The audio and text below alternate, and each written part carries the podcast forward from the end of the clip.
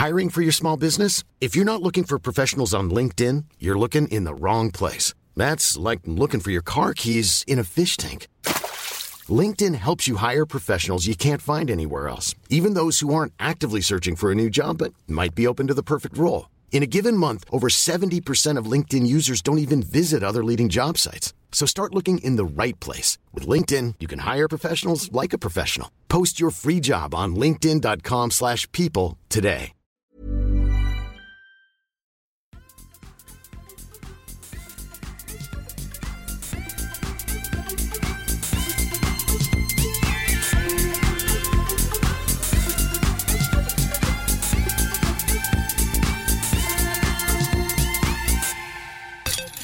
Var vi tillbaka igen fredag och helg. Vad skönt det ska bli med lite helg tycker jag.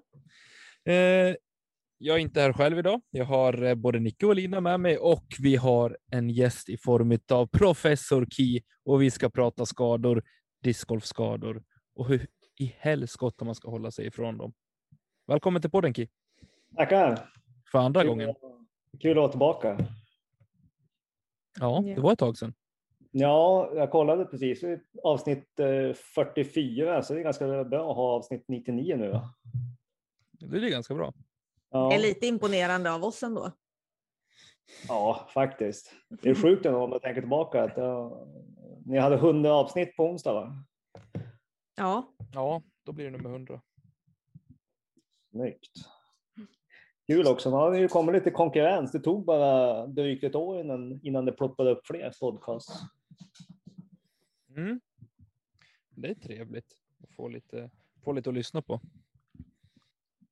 Ja, det är, nog den största, det är nog den största skillnaden att man får något annat att lyssna på än sig själv. Precis. Ja, precis. Det är värst när man gör den själv. Att man, eh, man vill ju inte lyssna på sig själv hela tiden. Nej, Har jag märkt. Men du Ki, om vi ska börja med lite discgolf bara. Vad tycker du om säsongen hittills? Det är väl främst proffstouren som har eh, satt igång. Vad, vad tycker du om det du har sett? Jag är faktiskt positivt överraskad ändå. Det är, alltså, det är inte bara Macbeth och, och de vanliga namnen. Han har ju Ricky har ju tagit två här nu. Det, det är kul. Jag tycker Ricky har vuxit i mina ögon sista, ja, sen han gick över till Nova i fjol egentligen. Han, han har blivit bättre framför kameran. Han känns mer avslappnad. Han var så speedad, eller vad man ska kalla det förut. Och, men eh, jag undrar lite grann vad Page Pierce har tagit vad som har hänt med henne. Hon har inte gått ut och sagt någonting om att hon skadade eller någonting och hon ska inte vara med i helgens tävling heller. Så att eh, om hon bara är off eller vad det är, hon har ju varit ganska, ganska ska osynlig s- sist.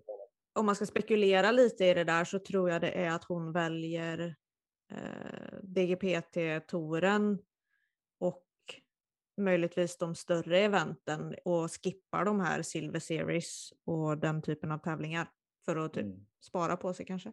Jag vet inte. Kan ju vara smart. Nu såg jag Beaver State Fling var inställt. Mm. av, eh, De har haft någon, någon, eh, någon storm som har dragit förbi där läste jag. Så de har haft stora problem i USA tydligen med, med oväder. Eh, Såg även Preserve höll på att jobba för fullt nu med att fixa till banan efter, eller inför stormen var tydligen på väg dit nu. Mm. Eh, sen kan det väl vara, jag vet inte hur det är med Page, om hon spelat dåligt både i Wake och i Texas var det va? Eh, om det är den här tusen ratingen som spökar mentalt kanske, jag vet inte. Vad var hon? 992, 996? 996. 96. Ja. Fick hon lite för erfaren för, för att åka dit på den där hjärnspöken, men det, ja, det går bara att spekulera. Men kul ändå eh, att det har kommit fram en del nya namn nu. Kona Panis har ju ja, gjort raketkarriär i år måste man väl säga. Och, eh, eh, ja, kul. Mm. Faktiskt. Hur länge dröjer det Eh. innan vi får se Dickerson på högst upp på pallen? Ja, när han kan hålla i första, första rundan som han ska och inte bara jaga på andra rundan. Nej, det skulle vara sjukt kul om Dickerson eh, fick till eh, mer än att han vann eh, Pro Tour Finals två år i rad. Eh, och han var ju nära i fjol också, men eh, Men man väntar på att få se den här stora, stora vinsten. Spara sig till VM.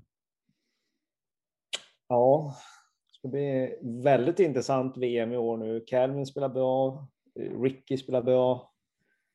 Paul är ju alltid med. Ja, jag tror det blir, kan bli tajtare än, tajtare än på länge, hoppas jag i alla fall. Mm. Det hoppas jag också. Jag tror att det blir det eh, faktiskt. Ja, om Just Ricky kan ge på fatt det var inne på på fingrarna. Om Ricky kan, kan sluta få blåsa på fingrarna som han fick på, på VM i fjol. Det som, som sabbade lite grann. Mm. Ja, den som lever får se. Vi ska hålla oss till någonting helt annat. Eller ja, blåser kanske ingår i det här. Jag vet inte. Ki. Men eh, lite discgolfskador. Ja, Hur ser det ut med dem? Eh, Vi har ju sett lite diskussioner på, på Ska vi snacka discgolf och så där, där många klagar över främst armbågar och, och axlar och så där. Och att eh, det gör ont och ja. Vilka typer av skador är det vi ser främst just nu? ja, det är väl armbågar och axlar är ju, är ju klart överrepresenterade och eh, och det är väl inte jättekonstigt egentligen. Jag tänker vi det här med skador, vi, vi ska väl gå in lite djupare på de skador som finns eh, på kanske just armbågar, knän och axlar. Det är väl det som är det vanligaste. Sen kan man väl därifrån se, sy ihop hela kedjan på varför man blir skadad på andra ställen också. Och, eh, men det är ganska fort genombetat egentligen det här med om vi ska specificera skador. Sen är det en annan sak att och, och hitta rätt när man ska göra en bedömning. Det är därför ja, jag, jag, jag slår mig lite grann på fingrarna. Du, du och Elina är ju lite förskonad, men Nicke och Tommy är ju med i, i, i eh, den här Messenger-chatten för filmprojektet, så de får ju, de får ju ta en del, jag ska säga, milt sagt vassa kommentarer från mig ibland, för jag har svårt att hålla mig. Jag måste fånga ut det, annars blir jag tokig. Mm. och, och när man ser det där på, på Facebook, eller ja, jag håller mig, brukar hålla mig borta från forum eh, generellt. Alltså jag har ju noll koll på Reddit, Flashback, Colosseum, ett gammalt eh, gym. Klassiker. Ja, verkligen. Eh, och den här, vad heter, vad heter discgolfens, Disc Golf Course Review eller vad de heter va? Eh, jag brukar hålla mig borta lite grann från de där för att det finns, som jag brukar, en, en sägning där man säger liksom att, att, att slösa energi på idioter, det tar, det tar, så, det tar så mycket mer än, än vad, det, vad det ger. Du kan aldrig vinna. Eh, sen har ju förstås de här forumen gått med sig också, men problemet när man ska, när man ska diagnostisera skador, det är att man måste vara på plats.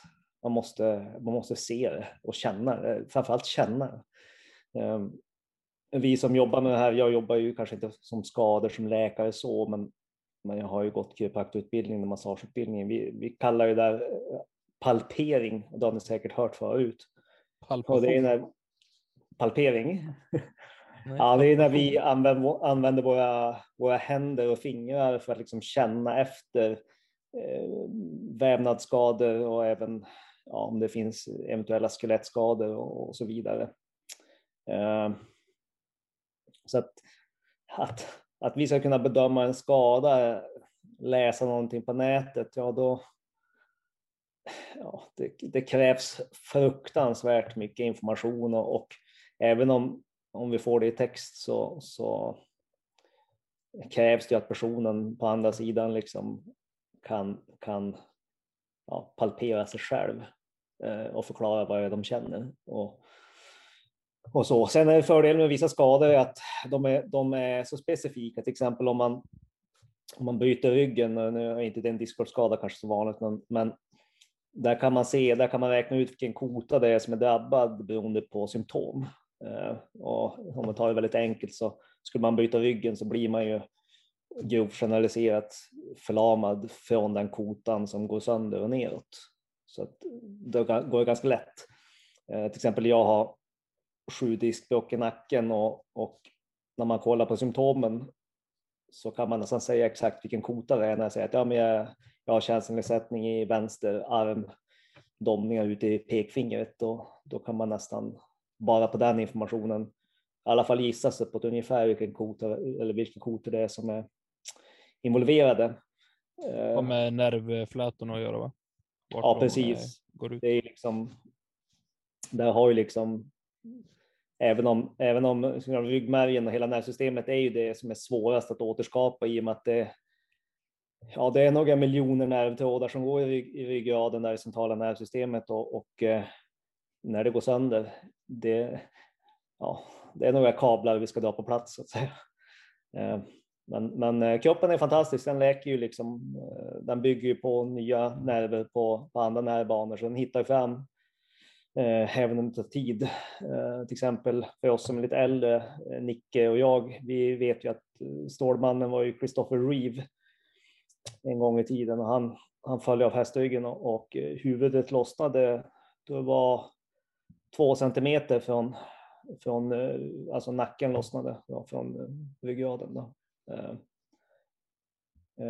Men han blev ju ändå successivt bättre och bättre för varje år. Nu, nu dog han ju, det är lite tufft att leva ändå när man är så extremt förlamad från, från, från eh, axlarna neråt. Då. Men till exempel när han var, när han var nyskadad så kunde han inte andas själv överhuvudtaget. Eh, på slutet eh, så kunde han ju andas ganska bra utan, utan hjälp och så. så.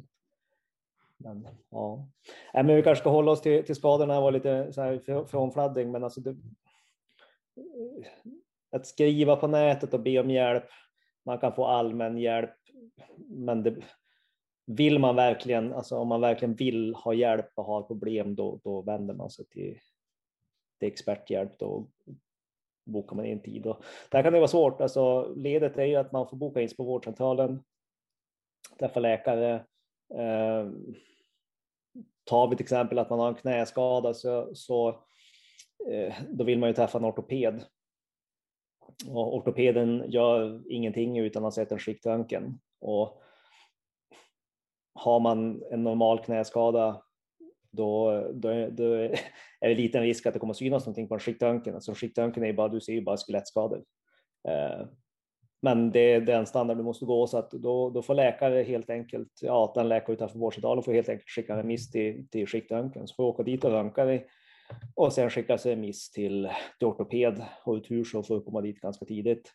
Ortopeden kommer ganska snabbt att konstatera att ja, det, vi ser ingenting på den här skiktröntgen. Nej, det, benbrott brukar man som märka av om man har bytt benet, men knäskada, armbåge, de bitarna är inte säkert.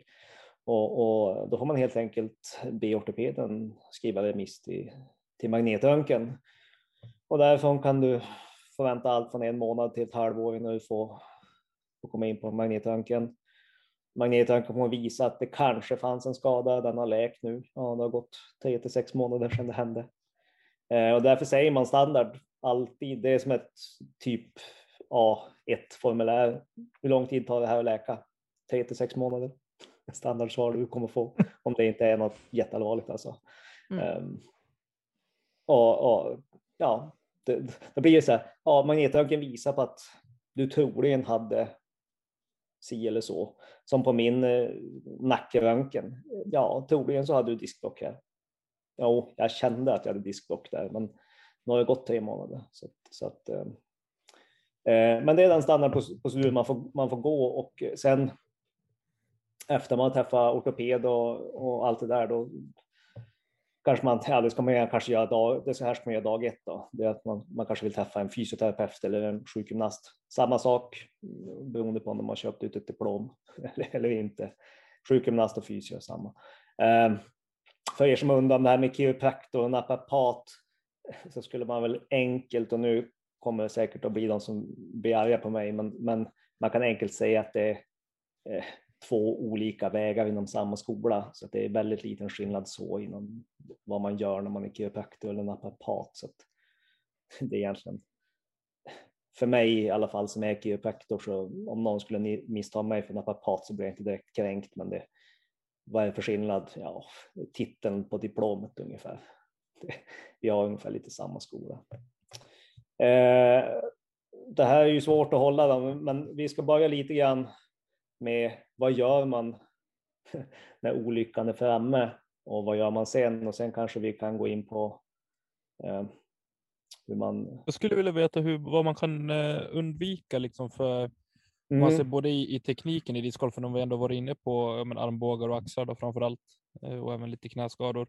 Eh, vad är det som kan ligga till grund att, att det blir påfrestningar på, på knä, armbåge och, eh, och axel? Eh, om man säger uppförande mönster, allt från att man lyfter upp eh, väskan med samma arm hela tiden eller till teknikförändringar och så vidare.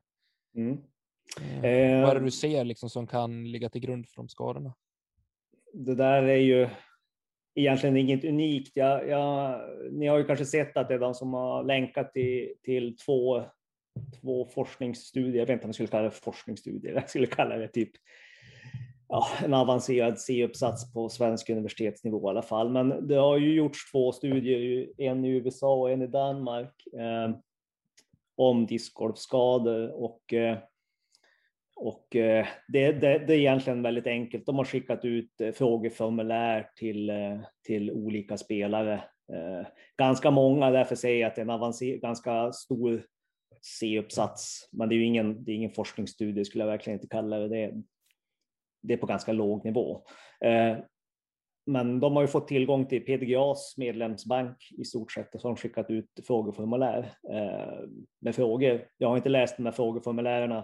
Eh, problemet mer med att man måste tänka att det ska finnas när man, när man gör studier, i alla fall i Sverige, så ska det finnas en möjlighet att när jag gör en studie, det är det som är så tråkigt, om jag säger att jag vill, jag vill studera på, på skador, då, ska jag, måste jag, då måste jag skapa den studien så att om Tommy skulle vilja testa den här studien om fem år och se om man skulle få samma resultat, då ska den vara möjlig att kopiera rakt av. Det vill säga att det ska finnas en validitet i det också. Så att det måste man ta i beaktning, att när jag ställer de här frågorna kan inte jag ställa frågorna hur som helst.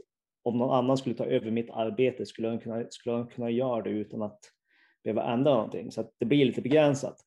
Men i alla fall, de har ställt frågor. Den här, ta den första då, det, det är ganska stort. De har ställt till eh, 874 spelare har han ställt frågan till. Den här, jag måste kolla på tjuvlappen. Dr. Joseph Nelson eh, har skickat ut och det är ganska intressant att se eh, att, att 80 procent av alla discgolfspelare han har frågat, de har upplevt en skada. Och det, det är högt.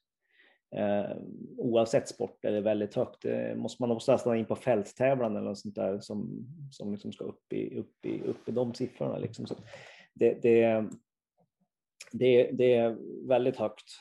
Eh, och vi kom in lite grann till vad, vad, de, vad det beror på, men om man kollar på den andra studien som är från Danmark faktiskt, ett par som heter Rabeck och Nielsen, ja, jag vet inte hur Rabeck uttalas, de har gjort en liknande, liknande frågeformulär och då har de även kollat på ålder och BMI. Och, om till exempel uppvärmning har påverkat, om man har värmt upp bättre har det minskat risken för skador. Och det roliga är enligt dem, då, de har, det kan jag också komma fram till, min konklusion av det, det är att de har inte sett ett samband med minskade skador om man har värmt upp. Så det spelar ingen roll om du har värmt upp ordentligt så är ändå fortfarande skaderisken var densamma. Eh, de har inte sett någon koppling mellan ett högt BMI och en ökad skaderisk. Så att även om du har varit eh, ja, man ska säga, 50-plussare, eh, haft övervikt, eller vad man ska, övervikt är fel att säga för att de har, de har gått på BMI, eh, så har de inte sett en ökad risk för skador. Ehm, så att, men det där är också svårt. Vad, vad menar man med BMI? För att om man tar mig, om man jämför mig och Nicke, nu, får, nu blir jag uthängd här Nicke.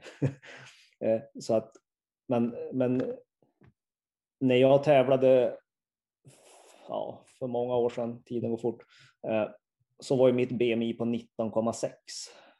Och det är liksom gränsen då för 25 år sedan, då, då var ju det snudd på anorektiskt smal. Nu har man ändrat den gränsen till 18,4 eller något tror jag. Så jag ligger på gränsen till att vara för smal. Eh, Medan jag i off-season perioder har haft ett BMI på 20, 26 eh, som mest. Och det är ju nästan, det är ju liksom, det är ju, jag är ju överviktig. BMI är ju bara ett mått på hur mycket du väger i förhållande till din vikt. Så är du är du till exempel tjej som kan vara ja, manligt, kvinnligt, men du, tjej som är 85 och väger liksom 50 kilo, då är det klart att du får ett, ett lågt BMI. Men är du en bodybuilder-kille som är 1,70 och väger 140 kilo, då är du ju gravt överviktig om man ska se till BMI. Så, Ja. ehm, Tommy, ja. Eh, men vi återgår till de här studierna. Det de har sett i alla fall, det är att, eh, ja, som jag sa, de har inte sett någon koppling till att ålder eller uppvärmning eller sådana saker ska minska skaderisken. De har sett att forehandkastare har, har större risk att, att eh, åka på skador. och det- Jag ska återkomma till det. Eh, de har sett att armbågar är den mest, mest skadade delen, i axlar, axlar och rygg, knä eh, och fotleder kom i liksom den ordningen efter. Eh, Ja, det är väl lite grann det. Och sen såg jag sen att, att de har gjort en uppföljning på det här. De har frågat den här Mr. Seth Muncy som är Mr. Mr. Disc Strong och sett vad han haft för svar, svar på det. Och det, ja, det är ju egentligen stating the obvious svaren. Eh, och och jag kommer ge samma svar som han. Så er, för er som vill kolla upp vad han har svarat så in, får ni gå in och kolla på Altiworlds eh, hemsida. Men eh, ni kommer få nästan samma svar av mig eh, Eh, nu. Och eh, på Tommys svar, vad kan man göra för att undvika att få de här skadorna? Eh, knäskador ska vi säga så här, det är, det är svårt. Det, det är väldigt svårt att i alla fall i en sport som discgolf där underlaget spelar stor roll. Eh, vi är ingen kontaktsport, så om man tänker sig fotboll, hockey, amerikansk fotboll, när tacklingar och sånt där för sig kommer så, så är risken för knäskador mycket större för att det är ett yttervåld. Eh, till exempel Simon Lesoth och Paul Uliberry känner ni till. De har ju dragit ACL eh, och det står för anterior cross ligament, alltså det främre korsbandet. Att slita av det, det, det sker oftast av att man åker på en yttersmäll eller att man halkar och vrider. Eh, Paul Juleberg ska jag inte säga vad, hur det gick till, men Lysott vet jag att han, eh, han gjorde en bra kombination. Dels hade han haft en klinik så han stått och kastat hela dagen så han var redan trött. Och sen skulle han avsluta med att ja, vara lite show-off och visa några 360s. Eh, halkar, eh, slinter, sliter av fem i korsbandet. Um, och det, är en ganska, det är en ganska allvarlig skada. Det, det, det, det är svårt, svårt att komma tillbaka ordentligt efter en sån skada. Discgolfen, ja, vi slipper som sagt de här, oftast de här ytterfaktorerna så att där går det bättre. Men i, i, i hockey så vet jag inte om det hade varit riktigt lika kul att komma tillbaka efter att ha slitit av fem i korsbandet och i fotboll när man, när man springer väldigt mycket. Så, men, men eh, både han och Juleberg har kommit tillbaka så det, det är ju otroligt kul att se. Men, men just knäskador, de är, de är svåra. Sen finns det så otroligt många knäskador, eh, typer av knäskador. Då. Eh, Jag har ju nämnt det med ACL och det är ju, ja, som jag sa, fem i korsbandet. Eh, men eh, sen kan man ju prata om allt med menisken. Vanliga ledbandsskador. Vad sa du? Man har två menisker. Ja, ja, ursäkta mig, man har två knän. Eh, eh, ledbandsskador, eh, meniskerna, eh, löparknä, hopparknä. Ja, det, det är en lång, jag tänker vi, vi, vi går igenom dem lite grann eftersom lite senare när vi specificerar dem. Eh, det man kan göra för att skydda knäna, se till att ha en stark lårmuskulatur. Eh, bästa, bästa skyddet. Ehm, bra lårmuskulatur. Jag vet att Tommy, du, du är lite skeptisk mot det här, men, men eh, du, du jobbar ju lite grann med att sälja skor, eller du kan ju skor. Ehm, och nu springer inte vi så mycket, men till exempel jag när jag tävlingssprang för 90, 94 tävlingssprang jag på distans. Eh, sprang millopp och maratonlopp, dum i huvudet var man. Eh, då hade jag en extrem eh, pronation. Eh, och pronation är när... Överpronation, om jag får Ja, rätta jag, dig. jag hade dessutom en extrem pronation och för er som inte vet vad det är, det är när, när man pronerar med foten, den lilltån åker uppåt, fot och ryggen vinklas uppåt så att knäna åker inåt, ungefär som man blir kobent. Och min pronation var så extrem så att jag föll inåt så mycket så att när jag tryckte på i steget, då sparkade jag mig själv på vaden. Eh, I och med att mina knän krockade nästan med varandra. Eh, och det här var ju när jag var ja, 13, 14, 15, 16 tävlingssprang jag. Sen kom jag på bättre tankar. Men, men eh, mina knän är ju slut, det vet, vet ju ni. Eh, jag har dåliga, jag har utslitna menisker, jag har slatter, jag har haft både löparknä och hopparknän i båda knäna. Jag har benflisor lös i båda knäna, jag har stressfrakturer på båda knäna. Um, och, um, men när jag var och testade och sprang på, på uh, löplabbets band för två år sedan, då, ehm, då har jag ett helt neutralt steg. Jag har ingen pronation alls kvar. Eh, och enda anledningen till att jag har det är att jag har, som ortopeden sa det, så skryter lite grann, en extrem låg muskulatur. Så att eh, jag har alltså då tränat bort min överpronation till att bli neutral. Eh, så till exempel jag behöver inte ha en extra stabil sko eller ett stöd för, för, för min pronation, för jag har, jag har ingen längre. Och det är, liksom, det är det styrketräningen är till för nu, träna upp dina lårmuskler. Det är för att du ska klara de här stötarna. Eh, vi, vi tar ju stegen och det kan tyckas väldigt, väldigt enkelt, men alla vi vet hur det är att kasta när det är blött ute på gräset i en lätt lutning. Hur många är det här som har halkat? Alla tror jag. Eh, och det är då det, det sker. Skadan, skadan kan ske då. Det är lätt att man kanske, ah, ja, jag stukar foten. Ja, mm. Men vi kastar ju oftast och vi ska ha full kraft, kroppsvikt på högerfoten om vi är höger backhandkastare. Eh, och har vi då lite driv, säg, eh, säg, säg en Simon Lesoth när han trycker på med, vad är hans världsrekord, 90 miles någonting, plus 90 miles plus, när han trycker på. Eh, då är lite skjuts under foten och när han glider undan, ja, eh, vad är det man säger, Jonathan Edwards när han hoppade, hoppade tre steg, det är några ton på foten i sista steget. Det är liksom, det, det är de krafterna vi, vi, vi människokroppen är fantastisk. Det är de krafterna vi kan alstra, det är de krafterna vår kropp eh, kan klara av i, i bra förhållanden. Men ju mer kraft vi utsätter kroppen för, desto mindre, mindre marginal eh, har vi ju för, för, för fel.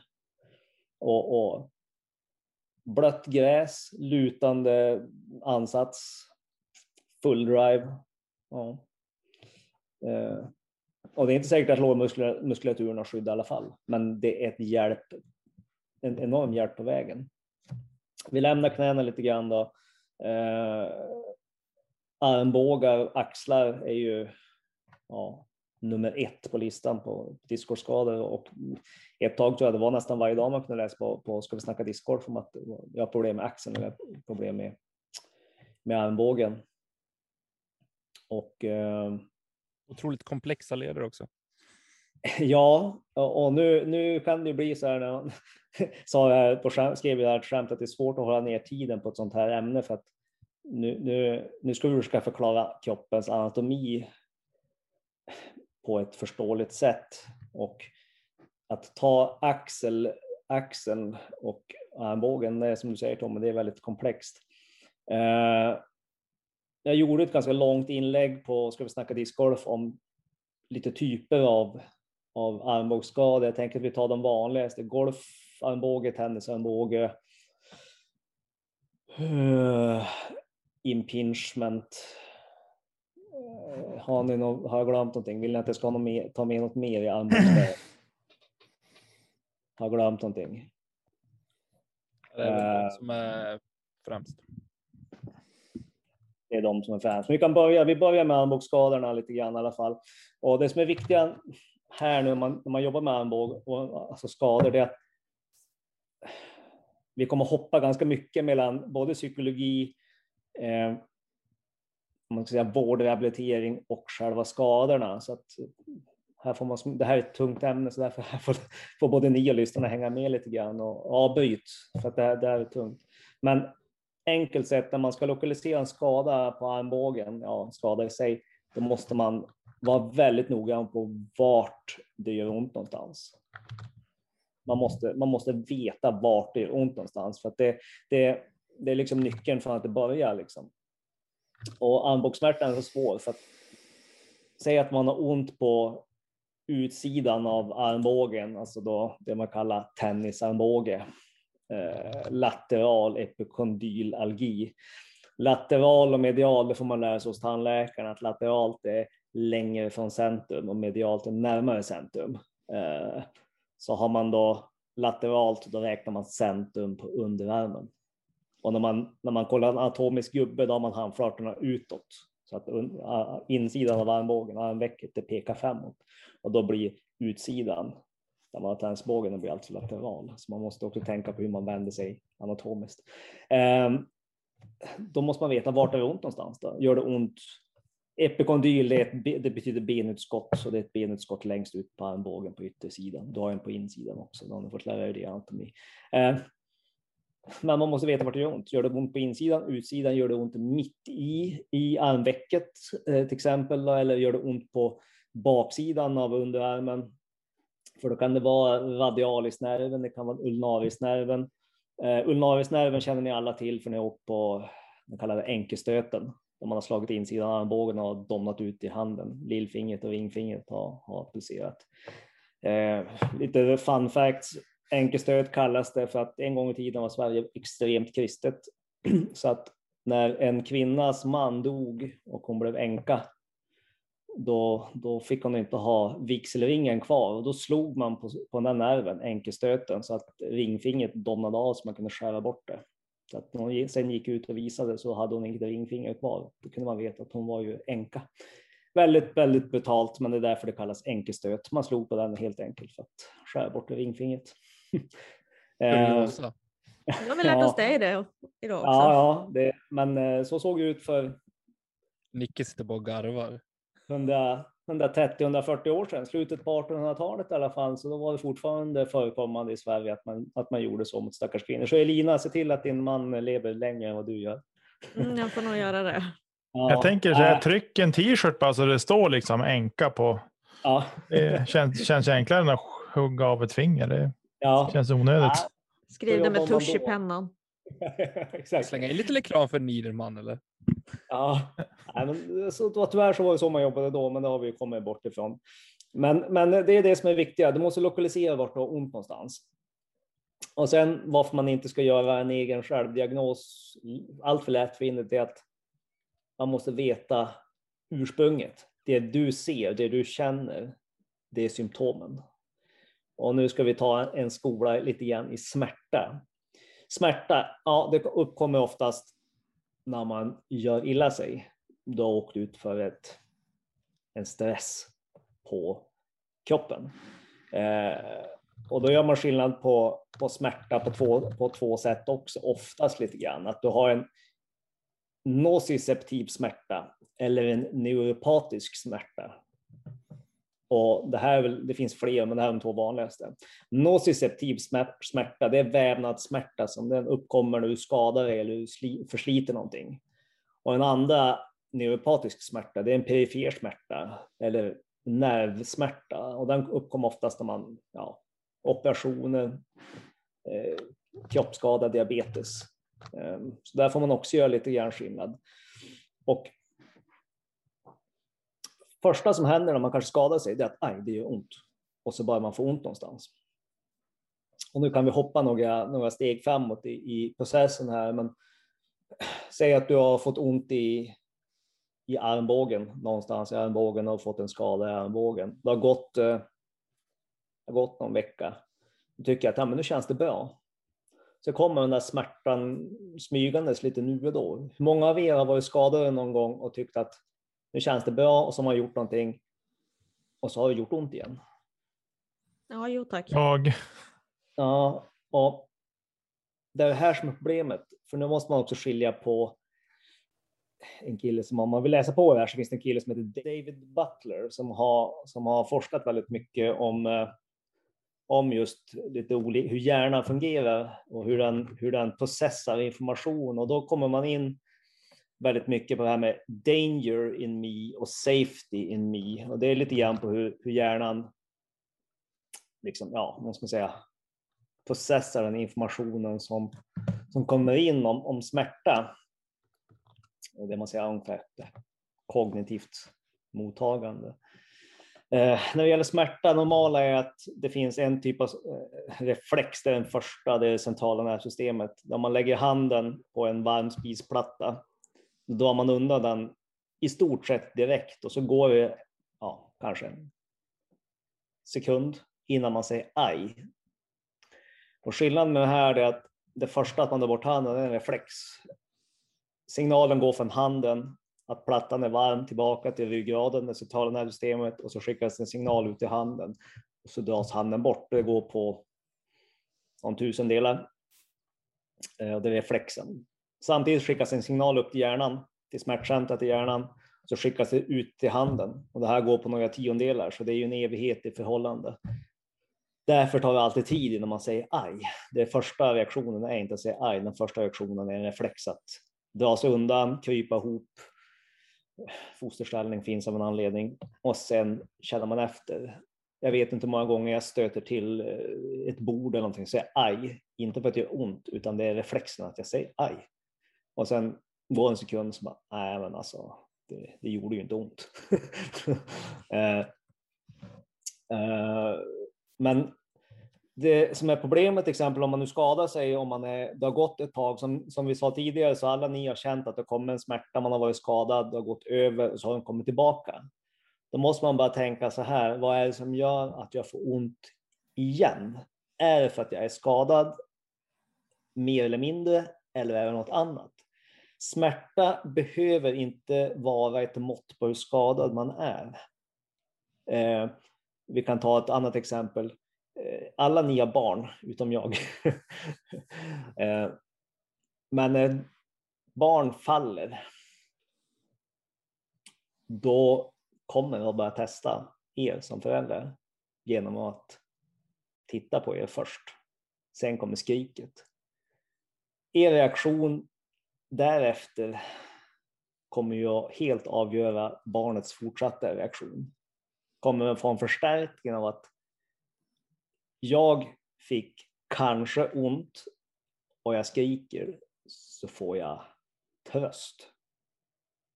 Eller jag fick inget gehör för min eventuella smärta. Då gör det inte ont längre.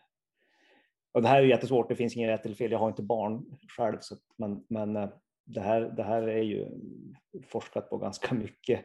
Att förstärker vi som vuxna barnets vad ska man säga, eventuella smärta genom vår reaktion eller tar vi bort den? Det, det, det är likadant med det här. När vi kommer in nu på det här med dangers in me och safety in me, vilken är det som vinner? Faran eller säkerheten? Eh, väldigt, väldigt vanligt är att man har ont någonstans för att man har skadat sig och det här kan ha gått flera år sedan skadan skedde och man har inte, skad, man har inte slitit upp det igen. Men så händer någonting i livet som påverkar dig så att danger blir större än safety och så får man ont igen. Och man fattar inte varför, varför får jag ont nu? Och då ser man att den största anledningen till att man får ont, man känner smärta. Det här behöver man inte huvudvärk. Liksom man säger att jag skadar min armbåge så får jag ont i armbågen igen. Överlägset största anledningen till att man får ont igen, det är sömnbrist. Det är en enorm stress på kroppen. Och det här ger smärta i ett område som du är skadad i. Och då börjar du fippla i att, haha, är det här för att jag kastar för mycket, tränar för mycket och så vidare. Men det är kanske inte alls anledningen till att du, har, du får ont. Eh, stress och ångest är nummer två på listan och, och eh, ni som känner mig vet att jag sover väldigt dåligt. Ångest har jag sällan, men stressad är jag mest för jämnan, även om jag inte kanske tycker att jag blir negativt stressad. Um, oj. Eh, och sen därifrån så har man nummer tre på listan. Det är vad man tror. Eh, och det här kan vara hittepå. Det kan vara sanning. Men vilken bild sätter du upp i skallen? Du har redan fått sömnbrist, du har fått stress och ångest och du har fått eh, ja, du har fått de två delarna. Och du har fått ont. Då börjar du grotta i vad beror det här på? Ja, just det tusan. Jag, jag, jag skadade mig på discgolfbanan för, för två veckor sedan. Det är ju därför och sen börjar man rota i fel delar. Och då går man till läkare, säger att jag har ont i min armbåge. Jaha, eh, jag hade ju en tennisarmbåge här för två veckor sedan. Jag tror att jag har slitit upp den igen. Och så drar man igång hela det där systemet. Och läkarna kommer att säga till dig, men vi hittar inget fel, det där var läkt. Uh, otroligt att en tennisarmbåge ska läka på två veckor, men det här är, det är ungefär så här det funkar, funkar lite grann. Grovt förenklat ska sägas. Uh, och du tjatar på att men det, måste, det, det, är något, det, det, måste vara något fel på min kropp. Alltså jag har ju ont här i armbågen. Och sen ska man tjata sig till en massa undersökningar. Eh, man ska stå på sig när man är hos läkare och, och, så, men, men man måste tänka efter också lite grann. Man måste stanna upp och tänka efter. Och så drar man en gång en lång medicinsk radda eh, på grund av någonting som är ytterst, ytterst hjärnbaserat. Och då menar hjärnan den styrande huvudcentralen uppe i skallen. Och därför behöver man ha lite koll på de här bitarna på hur balanserar jag faran och säkerheten i mig, det vill säga det hjärnan tolkar. Eh, och då kommer vi in på Mas Maslows behovspyramid eller behovstrappa. Har ni hört talas om den? Om ni har läst grundläggande psykologi och Maslows behovstrappa, den är, den är liksom framtagen lite grann inom olika koncept. Jag är i företagsbranschen, går den att lägga på, liksom så här, men den är ju framtagen liksom för, för livet. Och Elina, du är ju proffs nu, du är ju sponsrad. Grattis förresten till, ja, tack. den stora sponsorn. Eh, men vi listar oss ju någonstans, jag vet inte, hur list, får jag fråga dig Elin, hur listar du dig nu? Ser du dig själv som en, en proffs, ett proffs, en idrottare ur en elitproffs eh, synvinkel? Ser du dig så? Eller definierar du dig så? Oj, jag har inte fått den frågan innan, men eh, om man ska jämföra i år med förra året så ser jag mig ju som ett proffs i år. Eh, mm. kontra att förra året var jag lite mer på ingång kan man väl säga. Mm. Men det är också för att fokuset är ju lagt på ett annat sätt i år och tävlingarna jag ska spela ser också annorlunda ut. Eh, så utifrån det så skulle jag nog klassa mig som proffs i år. Mm. Um, och vi, vi, kan ta det, kan vi ta dig som exempel så blir inte bara jag själv som får stå som exempel. Ja, det går bra. Eh, om vi nu ser på dig då, nu, nu tänker du att definiera dig själv som, som mer proffs i år jämfört med i fjol. Mm. Eh, hur ser, ser du någon skillnad själv i ditt upplägg när det gäller tiden du lägger på discgolf? Alltså egentligen inte det är väl snarare inställningen. Mm. Tiden la jag ju förra året också. Och inställningen är väl egentligen densamma. Mm. Eh, I det att jag, jag strävar efter att bli bättre. Jag utmanar mig själv till att vilja bli bättre, sänka mina skår, mm. putta bättre och allt det här. Um, skillnaden i år tror jag är att jag känner av pressen att prestera på grund av att folk ser mig antagligen annorlunda Och det är det jag själv upplever. Att Mm. folk förväntar sig att jag ska prestera annorlunda nu när jag är sponsrad. Så då, du har dels den liksom inre biten att ja, men du vill utvecklas och bli bättre, men du, känner, du har liksom samtidigt fått en, en yttre ja, vad ska jag säga, press på att Mm. Eh, och, och om vi ser då hur många timmar, nu lägger jag ingen värdering i vad du kallar discgolf, men hur många timmar per vecka lägger du på discgolf? Fysiskt eller psykiskt? Både och, men vi, vi kan dela upp det så att vi lägger det, den fysiska biten först. Hur, många, hur mycket tid lägger du ner på discgolf då? Jag ska göra en snabb uträkning här bara. Ehm, Psykiskt är det ju 24 timmar om dygnet. ja, men ungefär. Det är inte många timmar Miss, borta där. missad putt, den ligger kvar hela natten. Alltså. Då behöver vi snacka veckor. Nej, Ja, På skämt tal om åsido. sömnbrist. Ehm, nej, men jag ska försöka göra en ganska, ganska Ja. faktisk uträkning här. Om vi tar, på, Mm. om vi, medan du väntar på det, om vi tänker Tom, Tommy och Nicke då, hur, hur, hur, hur många timmar lägger ni ner på discgolf? Skit i, i, i podden, utan ta det fysiska medan Elina räknar lite grann på sitt. Det fysiska just nu för mig är kanske två timmar i veckan. Två timmar i veckan. Som är discgolf-relaterat så att säga. Ja. Putträning eller liksom så. Mm. Och Tommy, Eh, ja, i dagsläget typ noll noll. Ja. är det. Säg Hur många timmar säger ni att det går åt? Om man ska säga mentalt är så otroligt stort. Man säger att ni, man bortser från några timmar när man sitter och tittar på discgolf, men någonting som har med er egen discgolf att göra, rent mentalt. Lägger ni någon tid på det i veckan? Ja, Ja. säkert tio timmar om dagen. M- mer, mer tid på det kan jag säga. Det lägger jag nog säkert. Ja, det skulle jag nog säga att en timme per dag.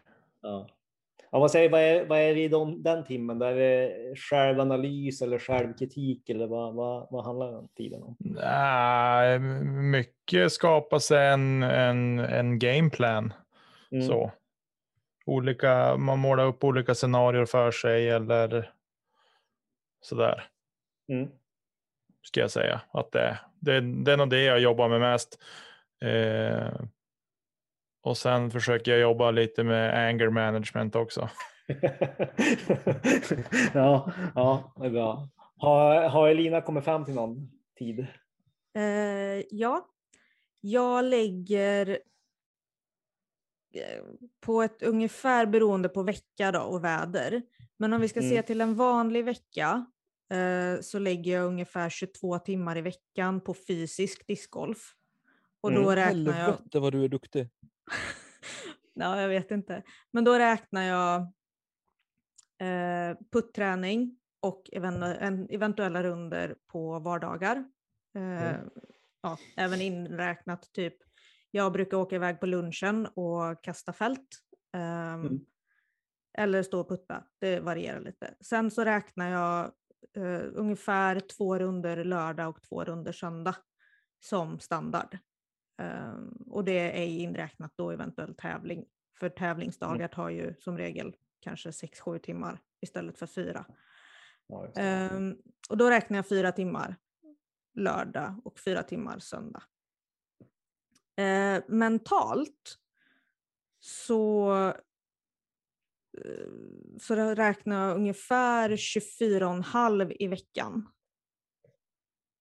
Och det är allt ifrån hur jag bygger min bag till vilka diskar jag ska prova ehm, till mental bearbetning av ehm, ehm, ja, helgen som har varit eller kommande tävling. Det är allt ifrån att eh, kanske göra en caddybok eller liknande då ifall det är att jag har någon tävling på gång. Jajamän.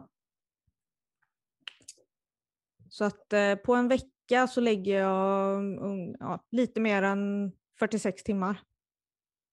Jajamän, 46,5 räknar jag ut ungefär. Mm, något sånt. Ja, Plus och minus. komma, nu är vi inne på psykologin här, men vi, vi kommer komma tillbaka till skadorna. Eh, eh, eh, eftersom, men det här är liksom bara för att, att folk ska förstå lite grann tidsaspekterna och vad det här gör både mentalt, hur det påverkar vår kropp sen till varför vi kanske går sönder.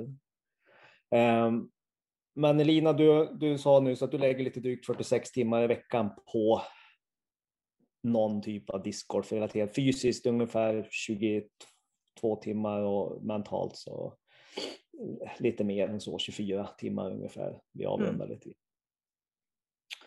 Eh, och, och en snabb uträkning som jag gjorde här med att du pratade, liksom att det, det ger ungefär en 27 27-28 procent av veckans totala timmar lägger du alltså ner på, på discgolf.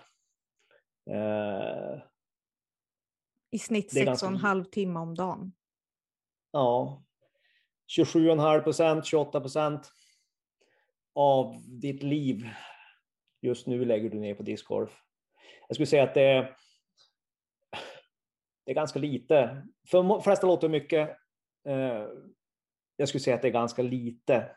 Sen är det en helt annan sak vad man fyller av de timmarna. De ska jag inte lägga någon värdering i hur du tränar eller hur du tänker, för då kan vi sitta resten av natten. Men, men när man börjar komma upp på en viss nivå, nu, får vi, nu, nu hänger vi ut dig Lina, för du är du som är proffset här bland oss. Mm. Så, så blir det, det blir, det blir timmar. Eh, 22 timmar fysisk träning i veckan, det är mycket för en medelsvensson kan jag säga. Det, det är väldigt mycket. En medelsvensson får vara glad om de kommer upp i 20 minuter om dagen. Eh, och då är vi liksom uppe på lite drygt en timme på en vecka. Då, då, då snackar vi ändå en hyfsad ja, men, god motionär som håller igång. Eh, snackar vi till exempel eh, extremidrottare, jag ska räkna lite snabbt, Charlotte Kalla. Hon eh, hon gör ungefär 900 träningstimmar eh, om året. Tävlingar inräknade. Man ska alltid räkna in tävlingarna i de här timmarna när man räknar ut snittet. Så det är viktigt att ha i åtanke och det blir ju då för henne då om man rent fysiskt tänker då enkelt överslag på 900 timmar på 365 dagar så hamnar vi någonstans där du landar, omkring en 25 timmar. Mm. Så det ligger inte långt efter då. Sen, sen kan man alltid, ska man inte värdera vad vi fyller i, för vi håller ju inte på på den nivå som med den sport Charlotte Kalla håller på med, där vi måste ut och plåga oss i löparspåret och på skidorna. Och så där. Men, men timmarna ska göras. Eh, problemet är här nu två saker. Eh, Medina, du har ju gått från att vara som ska säga, amatör i fjol till proffs i år. Eh, du säger liksom att du inte gjort så stora skillnader egentligen. Du tränar ungefär lika mycket, inställningen är densamma. Mm. Men om vi nu bortser från proffs-amatörtiteln, när man hittar en sport, discgolf, det är väldigt populärt, som man tycker är så kul som vi gör, då måste man också tänka så här, vad har jag för bakgrund? Har jag någon bakgrund med det här? Ingen alls eller är jag van att träna? Alltså kanske jag har gått från att vara den här människan som har rört mig 20 minuter om dagen till att helt plötsligt få ut och kasta discgolf tre, fyra timmar, fem timmar om dagen. Mm. Det, det, det, sliter lite grann på kroppen om man, om man säger så. Från en kropp som inte är van. Och här måste man återgå till den här Maslows behovstrappa där man bygger grunden. Och det kan vara grunden kan vara livet, att överleva, tak över huvudet, mat och så vidare. Men bygger vi den utifrån ett idrottsligt perspektiv så man, måste man lägga en fysisk grund först, en fysisk grund i botten. Pyramiden är störst och bredast i botten. Och lägger man inte den fysiska grunden utan man går på det som är längst upp i pyramiden, det vill säga självförverkligande och det du pratade om, att vilja utvecklas, att avancera, att bli bättre, då är vi på den här smala lilla toppen där uppe. Och det vet vi om man bygger ett hus på på lergrund, vad som händer då, det kommer att rasa. Eh, så därför måste man göra det fysiska arbetet först, man måste lägga grunden först eh, och se till att det är bra. För först har vi det fysiska, det är i botten. Sen har vi en trygghet där man är trygg i sig själv, man är trygg fysiskt och mentalt. För eh, som vi sa, eh, hur många timmar lägger du ner på mental? Du la ju ner fler timmar på den psykologiska biten än vad du la på den fysiska biten. Och det är lite grann så vi funkar. Eh, du gör tio puttar, sen står du det, tio puttar tar ganska, det går ganska fort. Det är någon minut så har du puttat, inte ens en minut så har du slängt iväg tio puttar. Eh, sen ska du stå och analysera det där. Ja, varför gick den i? Varför blev den fladdrig? Varför gick den snett? Och nu blåser det motvind, nu blåser det sidvind och så vidare och så vidare. Och som, som Nicke och Tommy sa, där, när, man, när man missar den där fyra och en halv meters putten. Den, den, jag har den, aldrig gjort. Jag heller. den kan förfölja en ett tag och speciellt om man gör det på tävling. Eh, jag tror, det, jag tror att det har hänt oss alla att man har missat en liksom nästan bullseye-putt. Eh, och, och, i fel läge, säg att det, det kan vara ett läge för att man ska ta segern eller en pallplats. Den, den kan förfölja en ganska länge. eh, och då, då var vi inte snacka några timmar, då kan, där kan man stå och grumla på hela natten. Där är man sömnlös, då får man sömnbrist. Och sen får man ont i armbågen. Ja, precis. Och då kommer vi tillbaka till de här skadorna igen. Varför blir man skadad i discgolf? Och det visar även de här studierna vi pratade om, den här danska och den amerikanska studien. Det, det är överslitning, överbelastning. Knäskadorna sa jag att oftast, oftast när man får rejäla knäskador så har det blivit yttervåld, att man har halkat och roterat samtidigt. Därför drar man ett ledband eller ett ligament. Armbågsskadorna som är de absolut vanligaste eh, i discgolfen, det beror till absolut allra högsta grad till att man har kastat för mycket, för länge och för ofta. Eh, och det är väl för att discgolf är kul. Eh, och när man tycker att någonting är kul, då vill man göra det mycket. Och discgolf är också väldigt lättillgängligt Eh, om man har en bana i hyfsad närhet. Det, man behöver inte åka till ett gym och stänga in sig. Man ser inte på samma sätt som att åka till en träningslokal. Man ser det som rekreation, lek, allmän motion Medan eh, man samtidigt av någon konstig anledning tänker att jag spelar discgolf för att det är kul. Jag har inget mål med att tävla, men jag har ju alltid den där lilla skallen med mig. Jag vill förbättra min score. Eh, jag vill gå på färre kast och det är det tjatas absolut mest om. Jag vill kasta längre. Eh, I styrketräningen har man börjat lära sig det här men vi lever tyvärr fortfarande kvar på 80-talet, ja, 70-80-talet kvar vi även i kropps, kroppsbyggarvärlden och styrkebranschen. Men forskning som visar på styrketräning visar på att frekvens slår alltid volym. Och vad menar man med det? Volym är, är storleken på passet, längden, mängden på passet. Medan frekvensen är hur ofta jag kan göra det. Och tar man då discgolf Eh, Elina, du är ute fyra timmar på lördag, söndag och sen då har vi då av de där 22 timmarna då har vi, har vi 14 timmar kvar som du sprider ut på de andra fem dagarna och det blir två och en halv timme ungefär. Då. Två mm. timmar. Eh, det är ganska mycket tid på en, på, på en session. Men ska man se det på 24 timmar så är det väldigt lite. Mm. Det är två, två, två, två timmar på 24 timmar, då, då är vi liksom under 2 procent av, av, av ett dygn. Eh, och det är så här man måste se det. Många ser discgolfen, det, det är allt. Det är 100 procent, men man glömmer att dygnet består av 24 timmar. Jag, måste ju, jag, jag, ska, göra någonting. Är det discgolf jag vill göra och bli duktig på, då måste man lägga ner den här tiden. Jag säger, jag, jag säger inte att det du Elina gör är fel, för det är det man ska göra. Du måste göra de där timmarna. Du måste ut två, tre timmar, inte nödvändigtvis två, tre timmar i ett streck. Är det tävling, ja då har man inget val. Då, då kan det bli sex, sju, åtta timmar på banan om man har lite otur. Mm. Men när man tränar, då ska man inte tänka så här. Okej, okay, jag ska köra tre timmar idag, jag ska köra tre timmar imorgon. Pang, två veckor senare så är man skadad, för man är inte van. Du har gått från noll till, till hundra.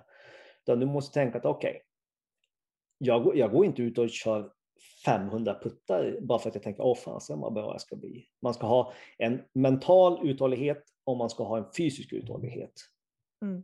Det är absolut ingenting att ställa sig och putta om du inte kan fokusera. En normal människa, hur länge håller vi fokus? Det är några sekunder vi klarar att hålla, hålla fokus och ju mer vältränade vi blir, desto längre kan vi hålla fokus.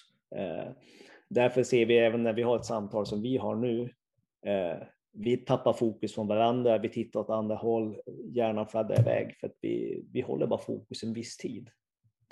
Eh, fysisk träning förbättrar den förmågan att hålla fokus. Eh, att ge sig ut, ja men nu ska jag ut på banan och kasta och så kör man dessutom, de flesta, det är roligt att kasta långt. Du kastar alltså nära ditt max ganska många. Och när man är ute och spelar själv, hur många av er eh, kastar mer än ett kast från tio när ni spelar själva? Eller med kompisar bara så här skoj, för skojs skull. Äh, kör, kör en till. Det är alltid en öl-drive eh, från på ettan. ja. ja, men alltså något håll, jag, jag kan stå och kasta kasta fem utkast på, på, på ett hål bara för att nej, men jag, en till, en till. Och sen har man inga drivers kvar i bagen för att man har tömt sina drivers bara för att äh, det var kul. Inte för att det var ett dåligt kast, utan för kul. Det är kul att se när disken flyger. Och så är det ett 100 kast och helt plötsligt har jag liksom på, på ett hål så har jag kastat fler kast än jag gjort på fem andra hål. Liksom. Fem max drives och då ska jag liksom, ja men och så har man gått 18 år och sen bara, ah, ska jag gå en runda till.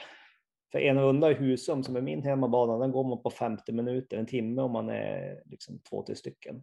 Mm. Och det är inget ovanligt att ja, vi går två runder, käkar lunch, så går man två runder till då, då är man helt plötsligt upp, då är man förbi de där två timmarna så är man uppe i fem, sex på en vanlig dag.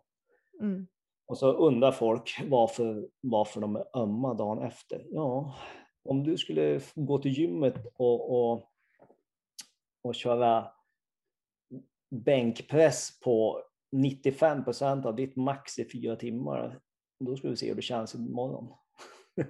Men det gör man ju inte, för det, det är inget kul. Men det är exakt samma sak. Uh, um, och, och, för att undvika skador träna smartare. Nej, men det, det är frekvens, frekvens och volym.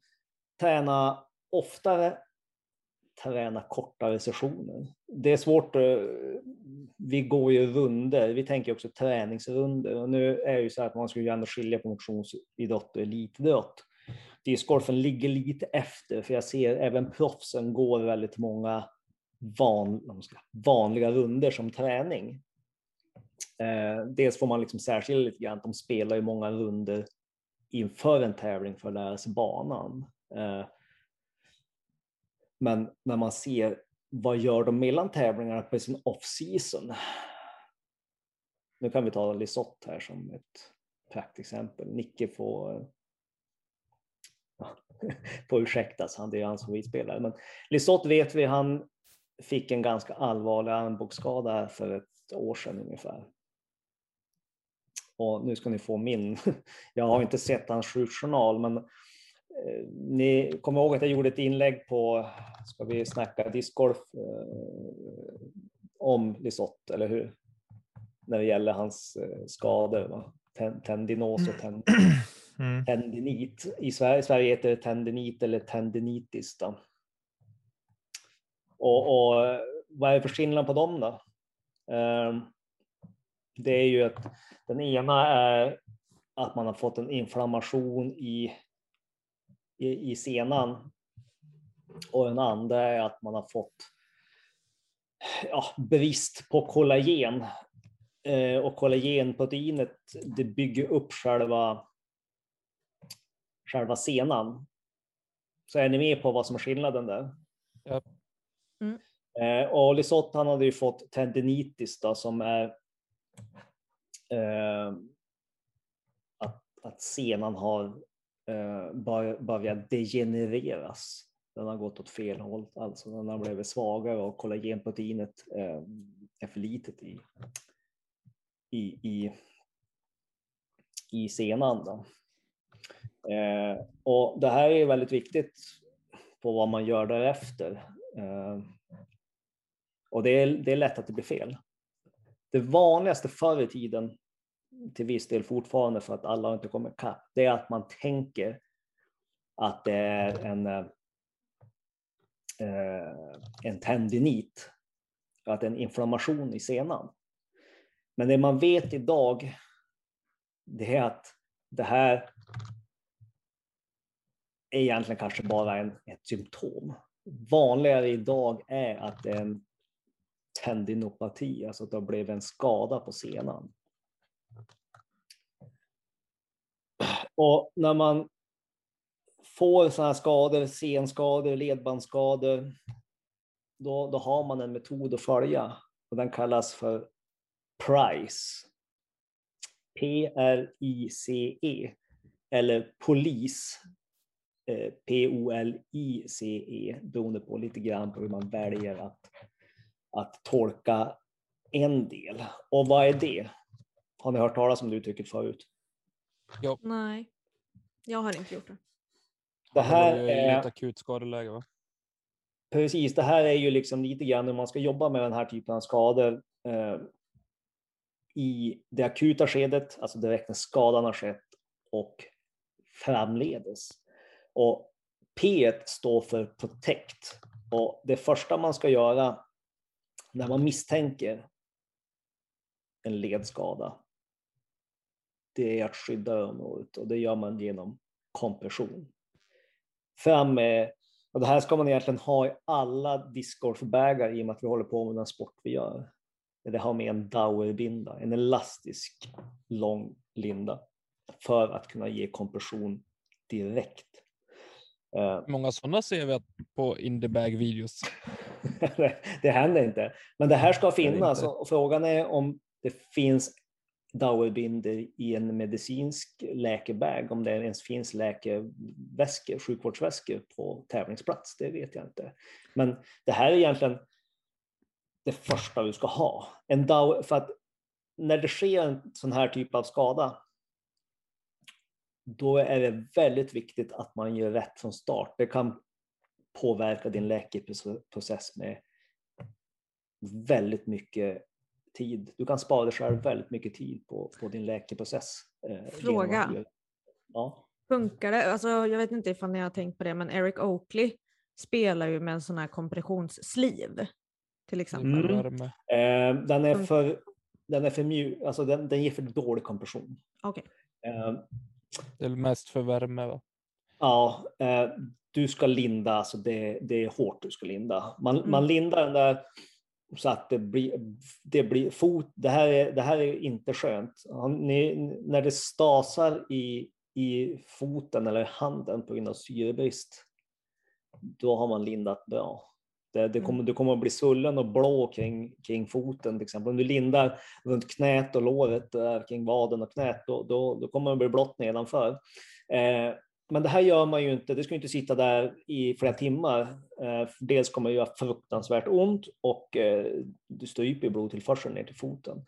Eh, utan man lindar det här och sen låter man det vara 5, 10, 15, 20 minuter eller så länge som personen rent smärtmässigt klarar av och så lindar man upp och så lindar man om. Men det här ska man göra om och om igen ja, under flera timmar kan man, kan man göra det här. Va? Det här är det första, första, första vi gör. Liksom. Du kan ju även använda tejp och sådana bitar och sen ska du ju, mm, ursäkta jag ska ge fasen belasta den där biten. Liksom, ja, men jag ska testa. Gör inte som Stefan Schwarz när han slet hälsenan. Kör några ruscher och se om det funkar. ligg, ligg still och låt teamet. Och har man inte en linda eh, på plats eller tejp, då är det bara att hoppa sig ner och sätta sig. Jag kommer inte ihåg vad hon heter, om det var friidrottartjej, Linda Haglund och så här, som slet av eh, de slet av baksida lårmuskeln på, på eh, om det var finkampen eller något sånt där mm, på, på Stockholms stadion. eh, ja, stupar, stupar ju som liksom man blev skjuten, liksom knall och fall.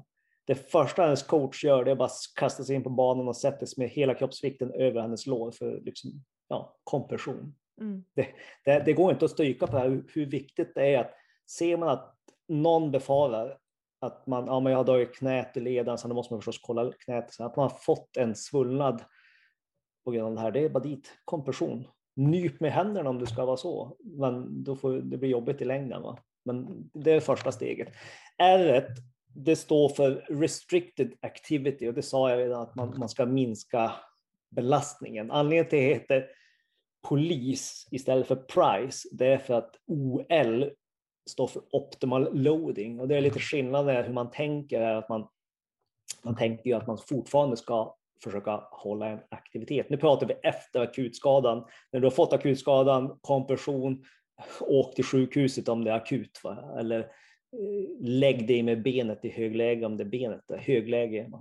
Eh, och det är ett price, det sista elevation.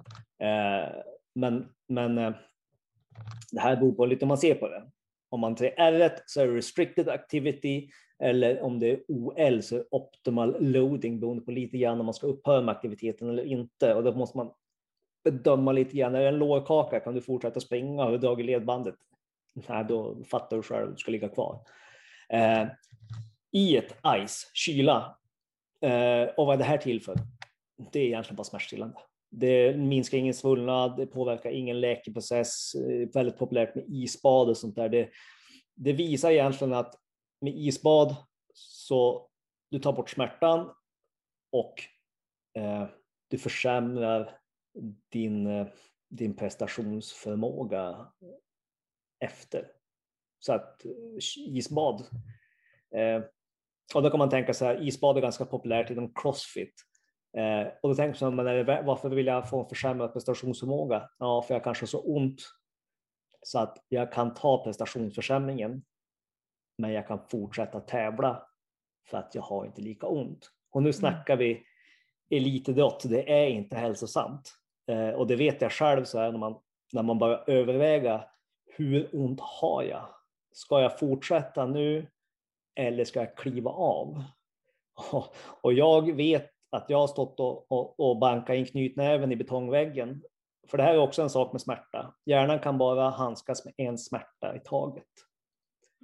Det är därför liksom, eh, ska säga, knarkare som försöker gå på avgifta sig själva, de skär sig. Eller varför man, om man är, nu blir det känsligt, men om man har ångest och depression, då, då har man ett självskadebeteende. Och det är för att man förflyttar smärtan. Man förflyttar smärtan. Man tar en fysisk smärta när man skär sig själv för att slippa den mentala smärtan.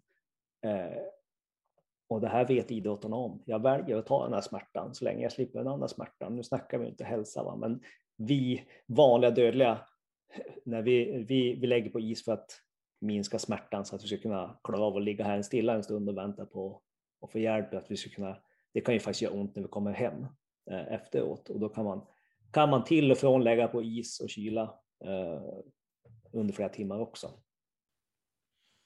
Yes, om när vi ändå är inne på det, liksom, vi har blivit skadade, vi har tagit hand om, eh, om skadan i ett akutläge, eh, vi vet vad det beror på. Eh, hur skulle vi kunna jobba oss tillbaka från den skada som har skett om vi håller oss till eh, det vi har pratat om med armbågar och, eh, och axlar? Då? Mm. Framförallt, hur skulle det kunna se ut? Vad är det viktigaste vi behöver tänka på?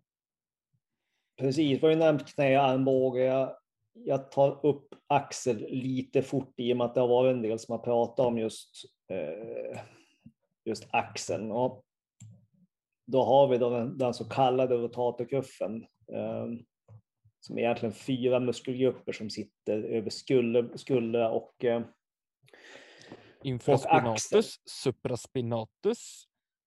Ja, precis. Du kan ju där Tommy. Du är inte, du är inte helt oskolad. Nej, det är helt korrekt. Ja, det är fyra muskler som heter supraspinatus, infraspinatus, teres minor och subscapularis och de är egentligen till för att se till att ja, axeln, axeln är centrerad i ledhuvudet, i, i, alltså centrerad ledhuvudet i ledhålan då, när man rör på axeln. Och eh, det som händer när man, när man eh, när man kastar backhand, ja, de flesta fattar just backhand, att man sliter, man sliter med skulden, väldigt lätta med ryggen. Uh, och vi kanske inte nämnde det här med, med armbågsskadan, varför det är mer överrepresenterat med armbågsskador när man kastar forehand. Och det, det har helt enkelt med att uh, det, det, du får en annan vinkel i armbågen och en annan rotation i underarmen. Man har två underarmsben som heter radius ulna och de ska rotera runt varandra, de ska alltså korsa varandra. Eh, jag visar för, för er som ni ser. Men, eh, eh, och de här små finmotorikrörelserna man gör i underarmen, det, det är små muskler vi pratar om, precis som i rotatorkuffen är fyra muskelgrupper, det låter ju jättemycket, men det är en liten del av ryggen och skuldran egentligen. Så det är små muskler. Ehm, och små muskler, de blir väldigt lätt överansträngda. Ehm, och, och eh, när man då ställer sig och kastar ganska mycket, då, då, då sliter det. Man kan ju få en musarm och sitta med en mus. Man tycker att musen väger ingenting, men vi sitter i en väldigt ofördelaktig vinkel med handleden Eh, som ger karpaltunnelsyndrom och man sitter och roterar armbågen mest för jämnan. Eh, och eh, därför får man musarm som egentligen är ett jag säga, samlingsnamn på alla problem, alla symptom man kan få över armbågen och handleden när man, när man håller på med viss typ av rotation och böj och belastning. Eh, och så har man impingement och det är AC-leden. av bicepssenan va? AC-leden, eh, bicepssenan går genom ett litet, litet hål i AC-leden och AC heter acromion clavicula och clavicula är skenbenet och acromion är det lilla benutskottet som sticker ut utanför skenbenet. Ki? Ja. Clavicula är nyckelbenet, inte skenbenet. Ja. Ja. Clavicula är nyckelben, jag är för trött nu. akromion clavicula, clavicula är nyckelben och akromion är ett benutskott som sticker utan, utanför nyckelbenet. Uh, och däremellan ska bicepssenan gå igenom och det där utrymmet är som ett knappnålshuvud. Och uh, när man bara grottar lite grann där så kan man, så kan man bli lite trång. Uh, och egentligen så fort du lyfter armen ovanför axelnivå, då klämmer man fast bicepssenan däremellan. Och eh, axeln är tyvärr inte rund och fin, eller kulleden på överarmen och eh, ledhålan, ledkapseln, då. De är, det är inte blankt och finslipet utan det är ganska knöligt. Eh, och då, då är man och skrapar lite grann på den där bicepssenan så att eh, i bästa fall kanske man får en inflammerad bicepssena och i sämsta fall så, så går den av. Och går den av, ja då får man gå i mitella i alla fall en, en sommar med lite otur. Och det, det, här är också en grej till varför det är så viktigt att man, man, man söker rätt hjälp. För att du kanske tycker att ja, men jag har har ont här, kan inte någon säga åt mig vad jag ska göra? Så ger, säger någon åt dig att du ska göra de här övningarna och du fortsätter att kasta och smack säger sen kan du inte lyfta, lyfta armen för huvudet för att du sliter av bicepssenan. Och sen får du gå i mitella i, i ett par månader. Det där med att skynda långsamt har nog aldrig varit så bra just när det gäller, när det gäller skador och komma tillbaka. Men vad kan vi göra nu när olyckan är framme då? Vi, har ju, vi börjar med, med med rotatorkuffen. Det nämnde vi lite grann i förra, första avsnittet jag var med i biomekanik. Det är de här inåt och utåtrotationerna man, man, eh, man kan göra. När man tänker att man sätter fast armbågen eh, mot sidan av magen. Och där ska man knämma fast en, en, eh, en femtilapp. Och så jobbar man i en kabelmaskin. Håll inte i en hantel i, i, i handen för guds skull det finns de som gör det på gymmet och, och eh, hanteln, eh, ja det blir statisk träning för biceps, det ger ingenting för skulderna, jag får huvudvärk när jag ser det. Eh, se till att ni har en kabel eller en gummiband så att ni faktiskt får, ni får motstånd i horisontalrörelsen. Så jag jobbar man inåt och utåt rotationer och tanken är att när man har armen Bågen är 90 grader, handen pekande så rakt framåt, då ska man kunna rotera utåt så mycket så att handen pekar rakt ut åt sidan. Eh, utan att armbågen släpper från, från magen. Och eh, man ska, då gör man precis tvärtom när man roterar inåt. Då. Och så kan man göra uppåt rotationer. Då håller man armen rakt ut åt sidan 90 grader i handled och sen roterar man armen utsträckt försiktigt uppåt bakåt tills den kommer i parallellt med örat.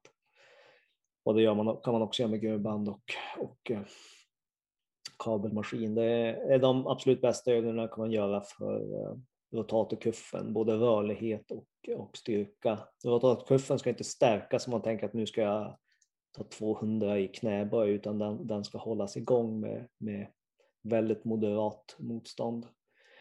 Eh, underarmen och armbågen.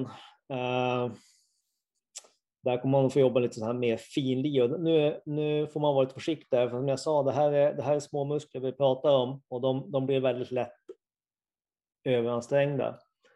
Så säg att man, man, eh, man har en, en golf eller tennisarmbåge eh,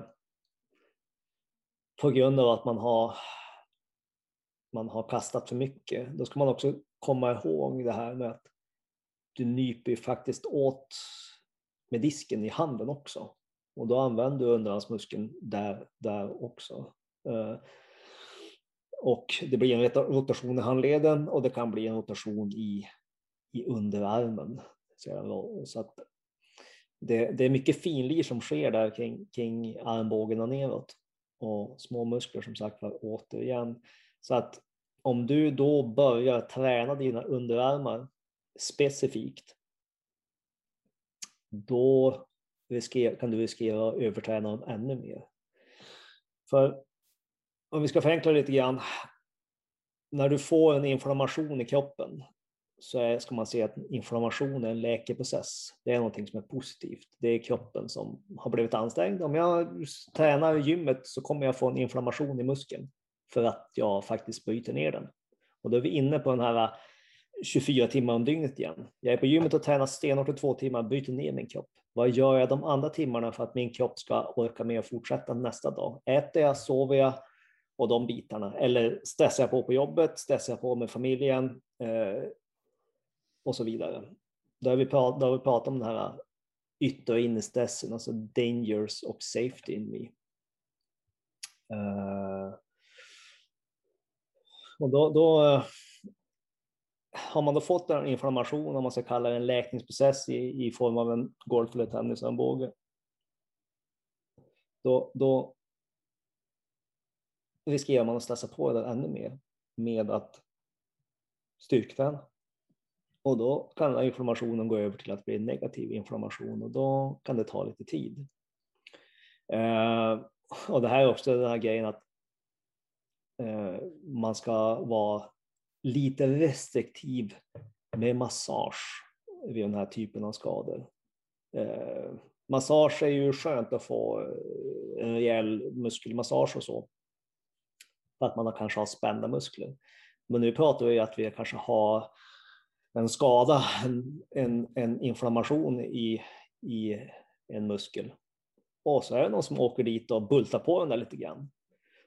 Och då säger ni så här, ja men det är så skönt, nu gör det, nu gör det inte ont längre. Och har man en muskelskada och det gör ont, förutom att byta ut den där smärtan mot en annan smärta som vi nämnde tidigare genom självskadebeteende, ja massage är ju en typ av självskadebeteende. Eh, men smärtan försvinner av en anledning. Smärtan försvinner också oftast efter du har värmt upp. Det är därför man ska vara lite försiktig med att tänka, att jag, jag, jag åker dit och provar i alla fall. Det kommer gå över när jag blir varm. Eh, jo, för att muskelsmärta triggar igång någonting som heter adrenalin i kroppen och adrenalin är smärtdämpande eh, för muskelskador. Har du en nervskada då kommer det inte hända så jättemycket. Om du får adrenalin, du kan trycka i hur mycket morfin i kroppen som helst, du kommer fortfarande ha nervsmärta. Den är en helt annan smärta. Om man har känt av ischias till exempel, eller om man har haft ett diskbråck, den är, den är på. En nervsmärta, den är, den är av eller på. En muskelsmärta, den kan vara lite sådär mittemellan. Eh, man ska vara lite försiktig med det gäller massage om man befarar att man har fått en inflammation. Eh, hur vet man när inflammation? Ta din kroppstemp. Normal kroppstemperaturförhöjning är ungefär en halv grad. Det brukar vara en indikator på att man har en inflammation i kroppen. Är man osäker på om man är för trött eller sliten, då ska man se till att ha gjort ett, ett reflextest när man vet att man är pigg och utvilad. Det kan man bara göra genom att det finns appar för det här, men man kan bara ställa en klocka. Ställ klockan på 30 sekunder och så tappar du pekfingret. Du har pekfingret och tattar i bordet så många gånger du kan på en minut och så skriver du ner det. Säg 200 slag på en minut. Är man, eh, är man trött och sliten så kommer det där försämras med 5-10 procent. Och då vet man att idag är det dags att vila, idag ska jag inte åka iväg. För jag är faktiskt inte bara påhittat trött, det kommer inte att bli bättre för att jag åker dit. Eh, Smärtan kanske försvinner för att du åker dit för att återigen adrenalinet tickar igång. Men du kommer att fortfarande vara lika seg i kroppen för att du faktiskt är sliten. Det här är ett väldigt enkelt sätt att testa sig själv. Ta kroppstemperaturen en halv grad och ha ett reflextest eh, redo då kan man faktiskt ganska enkelt avgöra på att jag är faktiskt trött och sliten ändå, eller det är bara hittepå. Eh, mer. Eh, träning för underarmen, det, det uppåt och nedåt flexioner med handleden så att man, man har underarmen vilandes på knät och handleden hänger utanför fritt så att du kan ha full rörelse i handleden. Och då gör man både med lätt vikt där man böjer handryggen uppåt och eh, så vänder man, då har man handflatan uppåt och så gör man en, en uppåtflexion i handleden. Det är de två övningar man, man, man kan göra för att träna upp eh, armbågen lite grann. Det finns lite så här grepp, eh, ska säga, greppträning också, men det här ska man vara väldigt försiktig med. Du ska inte ha någon mycket vikt. Eh.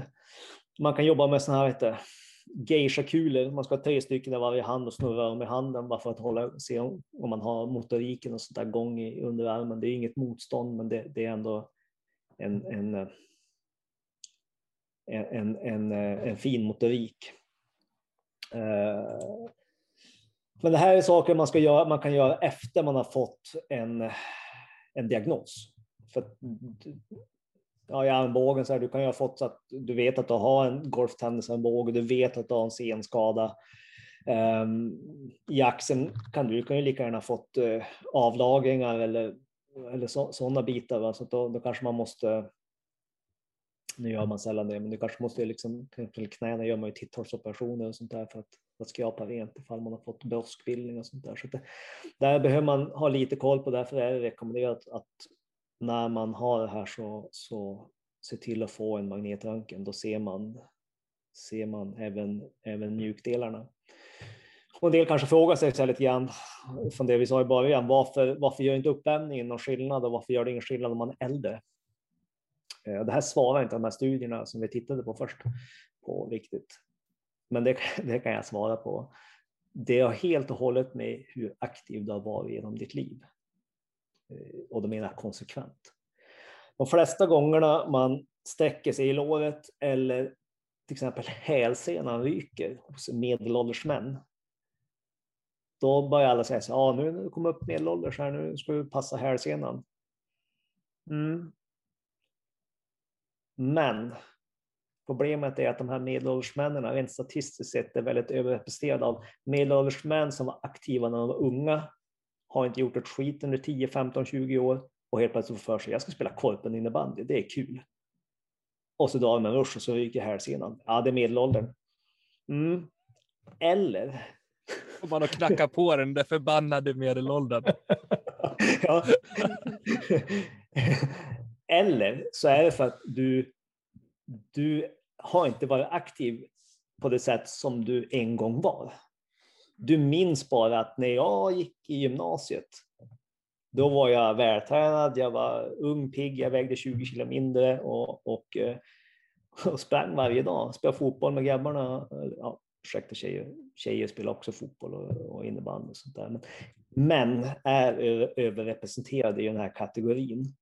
Ehm, och det tror jag mer är till, på grund av att vi män har en övertro till, vår, till, till oss själva, till vår kapacitet, som ni tjejer nog är smartare och visar än vad vi är.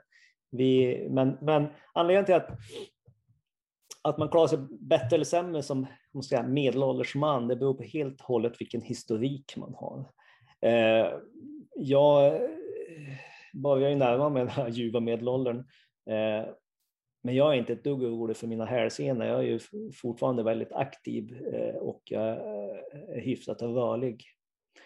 Ehm, så att därför, därför spelar det kanske inte jättestor roll heller om du har en viss övervikt i form av en hög BMI. Där måste man också göra skillnad på att en normal, ja, en normal människa eh, blir ju inte blir ju inte övervikt över natt, utan det har ju gått över, över tid. Eh, runda av har vi gått igenom. Knän, armbågar, axlar. Har ni några frågor? Jag tänker bara som summering, liksom, vad, vad har vi lärt oss egentligen? Just att, men där du är inne på, att faktiskt söka rätt hjälp. Där tror jag nyckeln ligger i först och främst.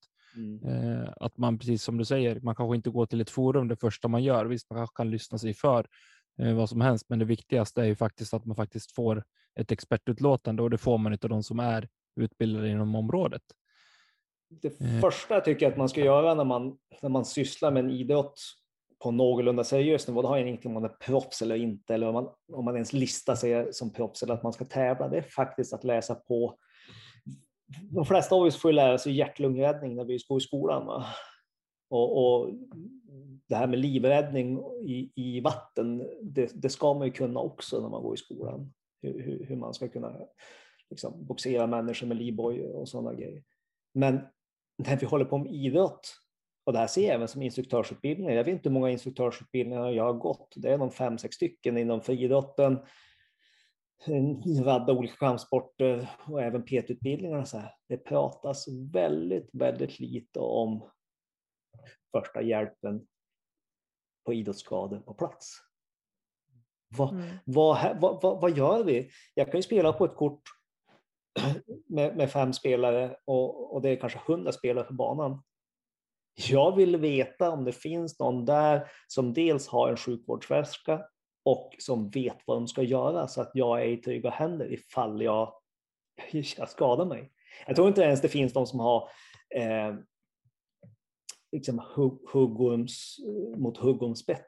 Södra Sverige, när, när, när, när jag gick i utbildningen i södra Sverige, det var det första vi skulle ha i förbandslådan, ifall du blev biten av en huggorm, för det är otroligt vanligt eh, i vissa delar av södra Sverige. Mindre här, här uppe, här får vi ju fästingbett till exempel. Men, men eh, men är det någon som har, finns det en Dauerbinda på plats? Jag har en i min bag i alla fall. Jag har, tejp, jag har sporttejp, inte bara för mina fingrar, men jag har sporttejp för att sporttejp kan användas som linning. Sådana grejer. Och, och, jag, kanske, jag kanske faller och slår mig så hårt att jag inte riktigt är kontaktbar. Jag kanske också eh, sliter sönder någonting så hårt så att jag inte, ja, inte kan få fram exakt vad det är. Men vad, vad, vad gör personerna på mitt kort? Får de panik?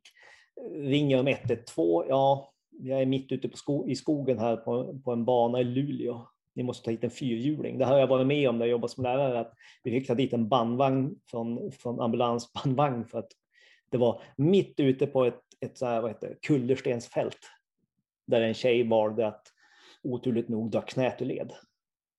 Det är liksom inte valde. Hon, var, hon valde att dra knät ur led där ute. Här, här, känns som ett bra läge. Jag kör bara ner foten här mellan två stenar och så vrider jag om lite. Det känns ja. som ett bra... Ja, det, det, det, det, blir, det är komiskt här i efterhand, men alltså där och då, det, tänk, det är bara att lyfta människan. Mm. Men här har vi en människa som kanske dels har fruktansvärt ont, kan vara lätt panik eh, på den människan och du bär inte en människa själv med den skadan. Du kanske förvärrar någonting. Det är liksom linda, högläge, vänta på hjälp. och då är det gäller att vara förberedd. Liksom, vi, Precis, det, det är en viktig del som du lyfter. Det jag vill liksom knyta ihop där. Var förberedd på att det kan hända. 99 procent eller mer kommer ingenting att hända, men det kan hända. Så var påläst. Vad är price? Vad, vad är det? Vad, vad ska jag göra när, när olyckan kommer fram? Det är väldigt lätt att price. Det tar fem minuter att läsa på. Vad behöver jag ha med mig för utrustning? Sen när man har fått skadan, se till att få en ordentlig diagnos eh, hos, hos en läkare, ortoped, sjukgymnast, beror på vart det sitter, var du kan träffa, träffa de ortopederna i mot, mot ben och knän då, till exempel. Och sen är det så här, problemet är när man, när man ska börja rehabiliteras, rehabilitera. Du rehabiliterar tills det är bra. Sen slutar du träna och sen återgår du till din säga, vanliga syssla. Träning, det bästa sättet att undvika skador, det är rätt träning konsekvent året runt. Som jag sa, starkare lårmuskulatur kommer att hjälpa dig att skydda dina knän mot både rotationer och stötar och likadant med resten av din kropp. Det här är ju en kedja va?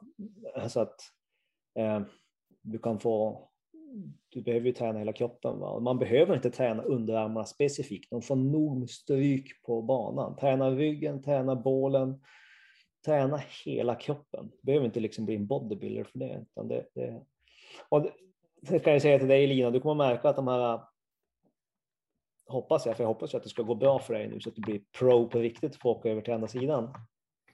Du kommer märka att de här 22 timmarna som du lägger på discgolf i nuläget, praktisk discgolf, de kommer att minska ju bättre det blir, utan du kommer att få bygga på med annan typ av tävling för att du ska hålla ihop. Så att kanske att du tänker så här, okej, okay, det blir tio timmar discgolf plus tävling och så blir det tio timmar kondition och styrka för att du ska hålla ihop för de här tio timmarna discgolf och, och, och träning. Och det här glömmer folk. Det här vet man i andra sporter. Man vet det i fotboll i hockey.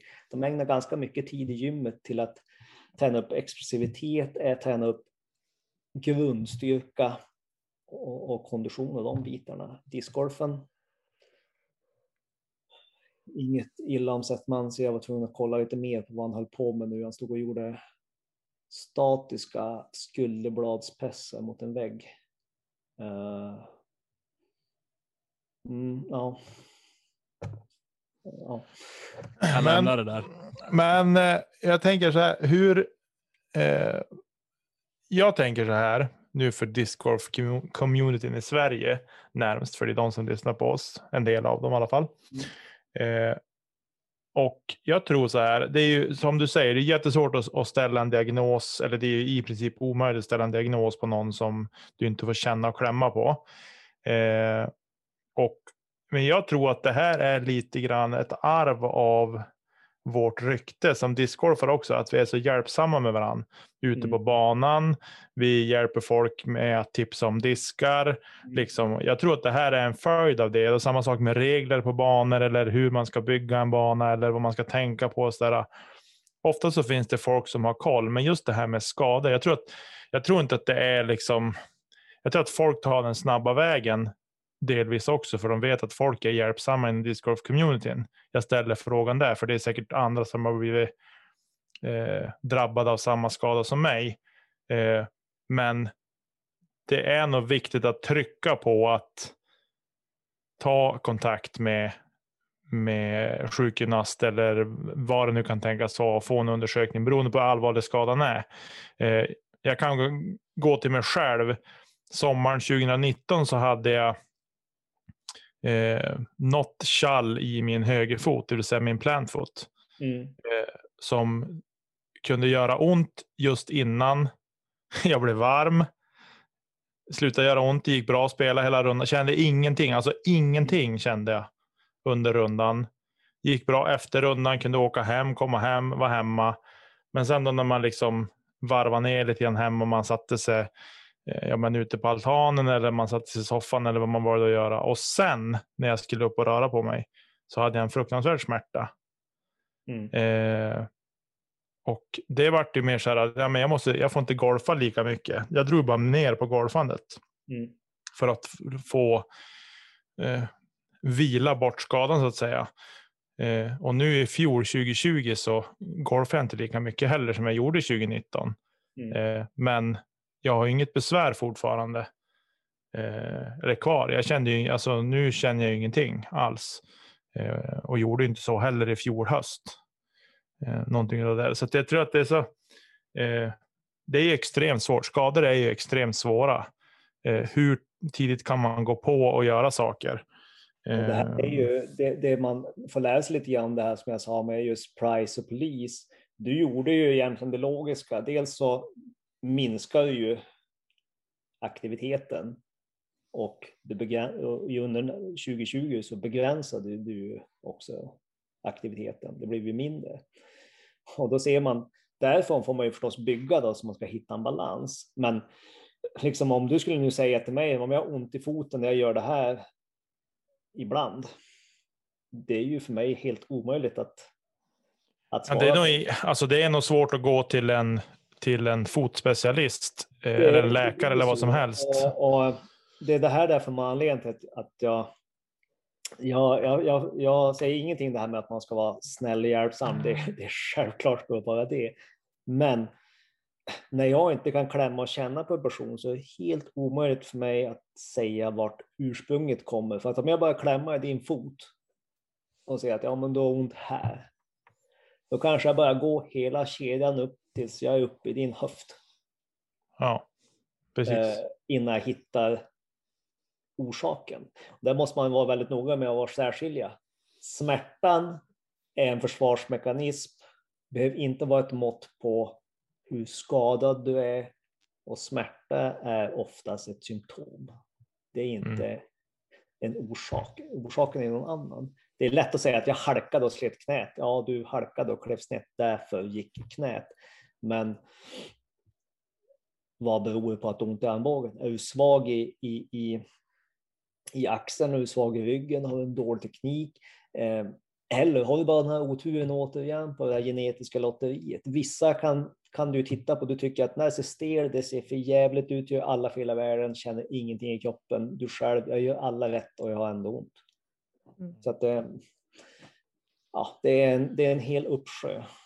Jag hoppas att ni har fått några svar. Har, har ni några fler frågor så här avslutningsvis eller känner ni er nöjda?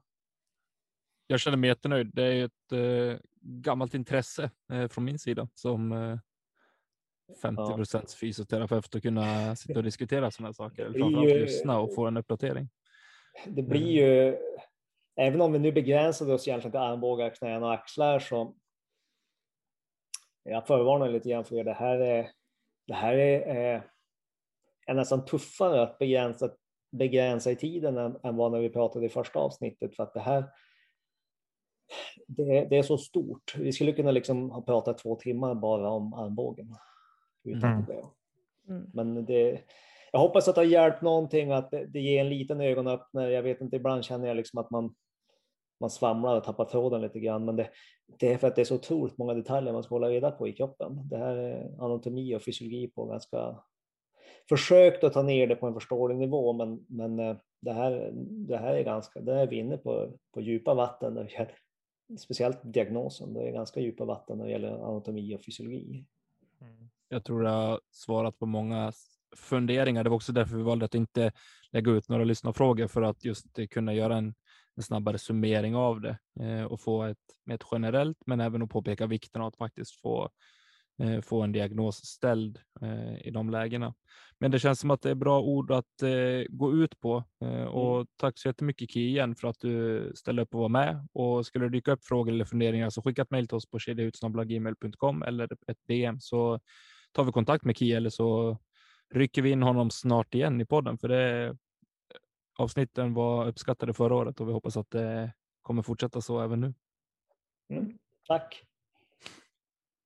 I övrigt så är det något annat ni vill oss så är det bara att ni hör av er till kedjautsnabblagmail.com eller på Instagram där vi heter kedja ut. Tack till Marcus Linder för vignetter och jinglar. Tack till Emil Lennartsson för grafiken och glöm inte bort våra Patreons. Ni är fantastiska. Fram, ha en trevlig helg.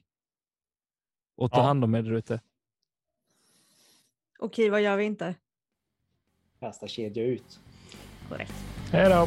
Trevlig helg! Hej då!